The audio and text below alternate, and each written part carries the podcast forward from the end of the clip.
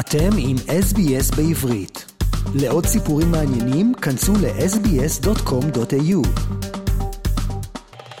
Shalom Australia. Prime Minister Lapid addressed the UN General Assembly on Thursday and he spoke of his pride in Israel, a country that looks forward and rejects a mentality of victimhood. He took the opportunity to explain why, why Israel's position is to oppose any nuclear treaty with Iran he said Iran's regime hates Jews, hates women, hates gay people, hates the West. They hate and kill Muslims who think differently, like Salman Rushdie and Mahsa Amini. The key message of his speech was one of conciliation and hope. He said an agreement with the Palestinians based on two states for two peoples is the right thing for Israel's security, for Israel's economy, and for the future of our children. Peace is not a compromise, it's the most courageous decision we can make. Despite all the obstacles, still today a large majority of Israelis support the vision of this two state solution. I am one of them. We have only one condition that a future Palestinian state will be a peaceful one, that it will not become another terror base from which to threaten the well being and the very existence of Israel that we will have the ability to protect the security of all the citizens of Israel at all times. In response, Interior Minister Ayelet Shaked tweeted that Lapid has no public legitimacy to entangle Israel with statements that cause damage to the country. Shaked, who has publicly apologized for sitting in the coalition in which she still serves and who now heads the right-wing Bayit Yehudi party, added that Lapid was speaking only for himself and not for the government. In his UN speech on Friday, Palestinian Authority President Mahmoud Abbas noted the positive development of Prime Minister Yair Lapid voicing support for a two-state solution during his address the previous day. But he spent the bulk of his own remarks repeating grievances against Israel's government and security forces for their treatment of the Palestinians, as well as the international community for failing to protect his people. Israel's ambassador to the UN, Gilad Erdan, pilloried Palestinian Authority President Abbas on Friday for his bizarre, lie-laden speech, which he called disconnected from reality. Erdan said Abbas had once again showed that his time has passed through his address. Time after time, he uses the stage of the UN to incite against Israel and back the terrorists whom he funds. Jordan's King Abdullah II warned against undermining the status quo in his address to the UN General Assembly on Tuesday, ahead of his meeting with Prime Minister Lapid. He repeated his claims that the future of Jerusalem was a cause for concern and that Christianity in the Holy City is under fire.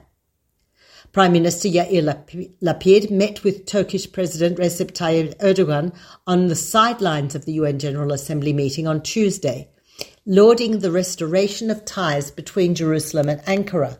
The meeting was the first between an Israeli prime minister and the Turkish leader since 2008. The threatened closure of the Sochnut Jewish Agency offices in Russia, which deals with immigration to Israel, took on new significance this week as Russia announced a partial call-up. Thousands lined up outside the Israeli embassy on Thursday in hopes of getting visas, and Israel is gearing up for the largest influx of immigrants in 30 years.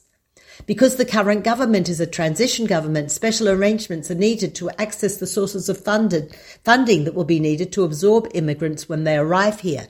Officials from the Treasury and the Immigration and, and Absorption Ministry held an emergency meeting on Thursday to discuss options.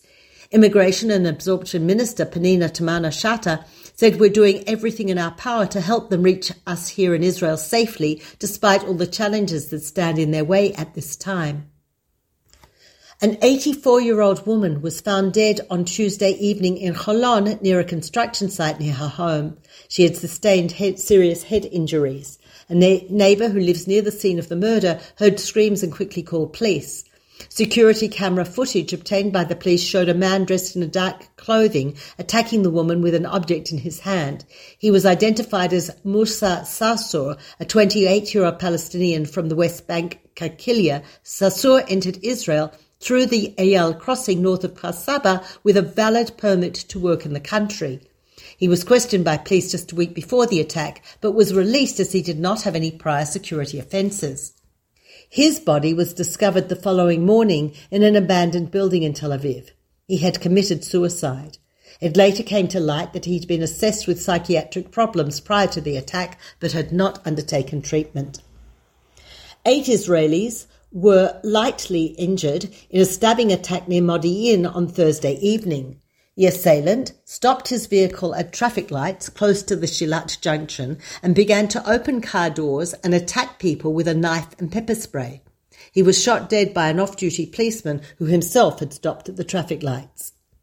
Shots were fired early on Friday morning towards the West Bank settlement of Har near Nablus for the second night in a row. One of the bullets hit a bedroom window. An armed Palestinian group calling itself Lion's Den claimed responsibility for the shooting. Security forces shot a Palestinian driver dead on Saturday, yesterday, as he rammed his car into a police vehicle near the illegal outpost of Havat Gilad in the northern West Bank. The IDF said troops and police officers identified a suspicious vehicle that accelerated towards them and tried to run them over. Police Commissioner Kobi Shabtai raised concern among academics and journalists this week when he said that in future outbreaks of severe civil unrest, social media platforms should be shut down in order to halt the spread of violence. Shabtai asserted in an interview that during Arab Jewish violence in May 2021, social media platforms helped drive civilians to the streets to participate in riots, and then closing them down for a limited period is a necessary step despite democratic norms. Minister of Public Security, Omer Bar-Lev, reacted to Shabtai's remarks on Thursday, calling them an unfortunate statement. Bar-Lev said in a democratic country, free communication is the lifeblood of democracy. It's not the commissioner's role to determine such a thing, even if in his opinion there's an extreme event of one kind or another. We maintain freedom of expression in the State of Israel. Prime Minister Yair Lapid raced home on Friday after his speech at the United Nations General Assembly to attend the wedding of his eldest son. Yoav Lapid married Shai Allo at Kibbutz Hulda, where the bride and her family live. A video of the wedding circulated on social media where Lapid is seen singing a song in honor of his son with his friend, singer Rami Kleinstein. People reacted shocked that the Prime Minister could sing.